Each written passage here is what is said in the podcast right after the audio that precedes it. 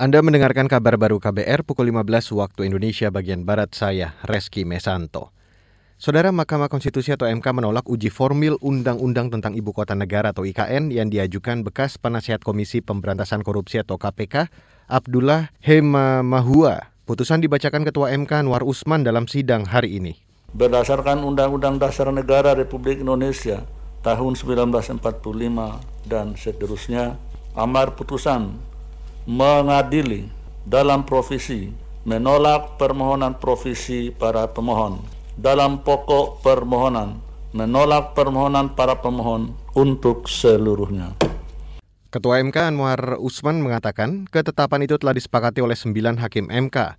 Sebelumnya, permohonan uji formil diajukan Abdullah Hema Mahua bersama 20-an orang lainnya, baik aktivis maupun purnawirawan. Para pemohon menilai ada asas ketidaksesuaian antara jenis hierarki dengan materi muatan pada 13 poin Undang-Undang IKN. Adapun belasan materi itu memuat materi untuk perintah kepada peraturan pemerintah, perintah kepada peraturan presiden, dan perintah kepada kepala otorita Nusantara. Beralih ke berita selanjutnya, Saudara. Menteri Kesehatan Budi Gunadi Sadikin mengatakan keberadaan Pramuka Saka Bakti Husada berperan besar dalam mendukung transformasi sistem kesehatan nasional. Menurutnya, Saka Bakti Husada bisa diberdayakan dan dibekali dengan ilmu kesehatan dasar, sehingga bisa menjadi tenaga kesehatan cadangan dalam keadaan darurat seperti pandemi COVID-19.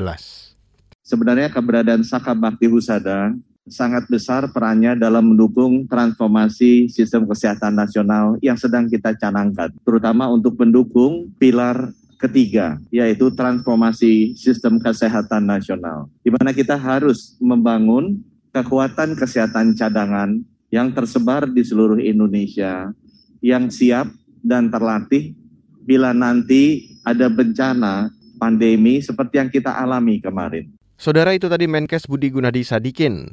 Pramuka Saka Bakti Husada merupakan kegiatan di bidang kesehatan yang dibentuk oleh Kementerian Kesehatan bersama Kuartir Nasional Gerakan Pramuka pada Juli 1985. Tujuannya untuk mewujudkan kader pembangunan di bidang kesehatan yang dapat membantu melembagakan norma hidup sehat bagi semua anggota gerakan pramuka dan masyarakat di lingkungannya. Saudara capaian vaksinasi dosis 3 atau booster di Kota Balikpapan, Kalimantan Timur masih rendah. Kepala Bidang Keamanan dan Hukum Satgas Penanganan COVID-19 Kota Balikpapan, Zulkifli, mengatakan, hingga saat ini masyarakat yang mendapat vaksinasi baru mencapai 40-an persen. Untuk itu Satgas dan pemerintah daerah melarang adanya kegiatan besar seperti talbik akbar dan konser dengan ribuan peserta karena akan menimbulkan kerumunan. Zulkifli menambahkan hingga kemarin terdapat seratusan kasus aktif COVID-19, ini membuat kota Balikpapan kembali masuk dalam zona merah penyebaran corona.